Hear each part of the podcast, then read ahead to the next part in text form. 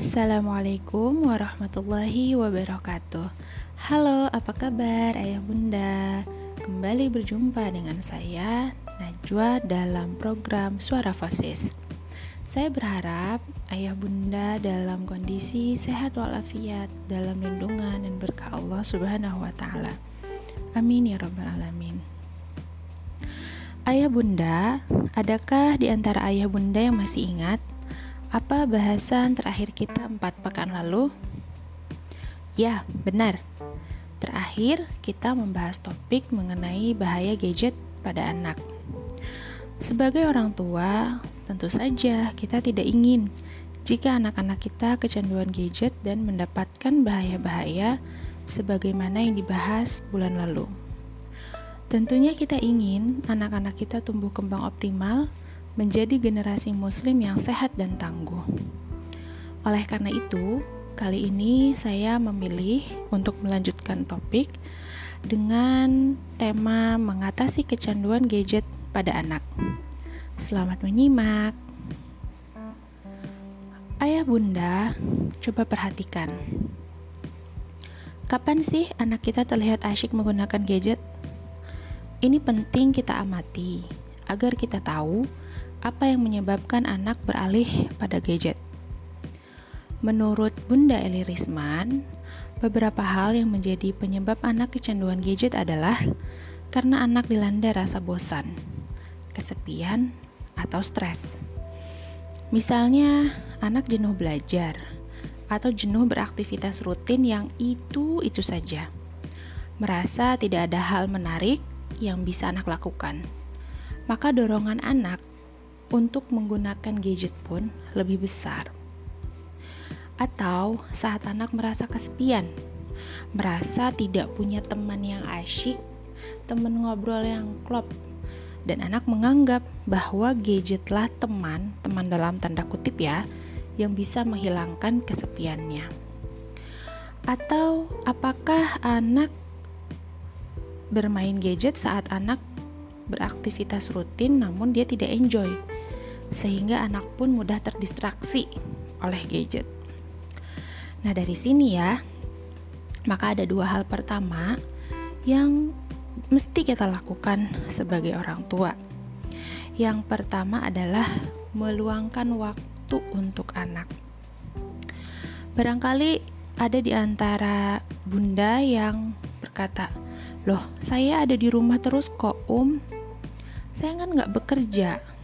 Sepanjang waktu saya habiskan di rumah untuk urus anak-anak. Hmm, Bunda, ini bukan perkara apakah Bunda bekerja atau tidak bekerja. Sebab, kendati kita bersama dengan anak sepanjang waktu, apakah waktu kebersamaan kita dengan anak tersebut adalah waktu yang berkualitas? Apakah kita sudah memiliki keeratan dengan anak-anak kita? Atau jangan-jangan selama ini kita baru dekat secara fisik, tinggal seatap, tinggal serumah dengan anak, namun sibuk. Masing-masing dari kita sibuk dengan urusan masing-masing dan tidak dekat secara hati. Meluangkan waktu untuk anak berarti kita menyiapkan fisik kita emosi kita, hati kita untuk bersama dengan anak-anak agar waktu kebersamaan kita dengan mereka menjadi waktu yang berkualitas. Hal yang kedua yang bisa kita lakukan adalah membangun kedekatan emosional dengan anak agar anak merasa nyaman, agar anak merasa memiliki teman.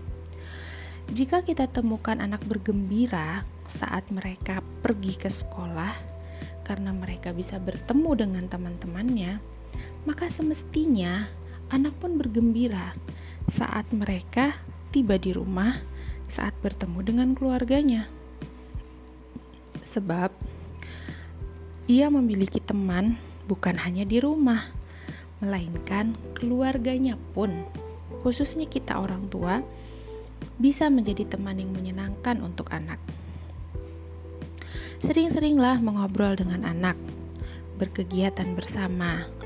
Misalnya, jalan-jalan pagi bersama, memasak bersama, membacakan buku, mengamati kejadian di sekitar, lalu menarik maknanya, dan kegiatan-kegiatan sederhana lainnya. Agar anak tidak merasa kesepian dan tidak merasa bosan saat di rumah. Jika orang tua sudah bisa dekat secara emosi dengan anak, maka insya Allah orang tua akan lebih mudah dalam memberikan nasihat dan pengarahan pada anak. Ayah bunda, selain dua hal tersebut, ada hal-hal lain yang bisa dilakukan oleh orang tua, yaitu yang pertama, memberikan hak guna gadget pada anak, bukan hak milik. Sampaikan pada anak bahwa HP atau gadget ini adalah milik ayah atau milik bunda. Kakak atau siapa pun panggilan anak kalau mau pakai HP maka harus izin dulu ya Nah, saat anak meminta izin untuk menggunakan gadget, orang tua bisa bertanya, apa yang akan dilakukan anak dengan gadget itu? Kakak mau ngapain ya pakai gadgetnya bunda? Berapa lama mau pakainya gitu. Nah, dengan demikian orang tua bisa mengontrol penggunaan gadget pada anak. Yang lainnya, kedua, Ketika anak sudah selesai menggunakan gadget, ajak anak ngobrol. Misalnya di awal anak meminta izin menggunakan gadget untuk main game. Maka orang tua bisa bertanya, seru nggak kak gamenya? Apa sih yang bikin seru? Kakak menang. Oh jadi game ini tuh ngajarin kakak buat ngatur strategi juga ya?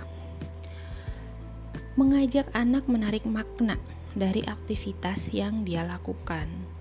Dengan cara ini, di satu sisi orang tua jadi tahu apa yang dilakukan anak dengan gadgetnya. Ada proses konfirmasi begitu ya.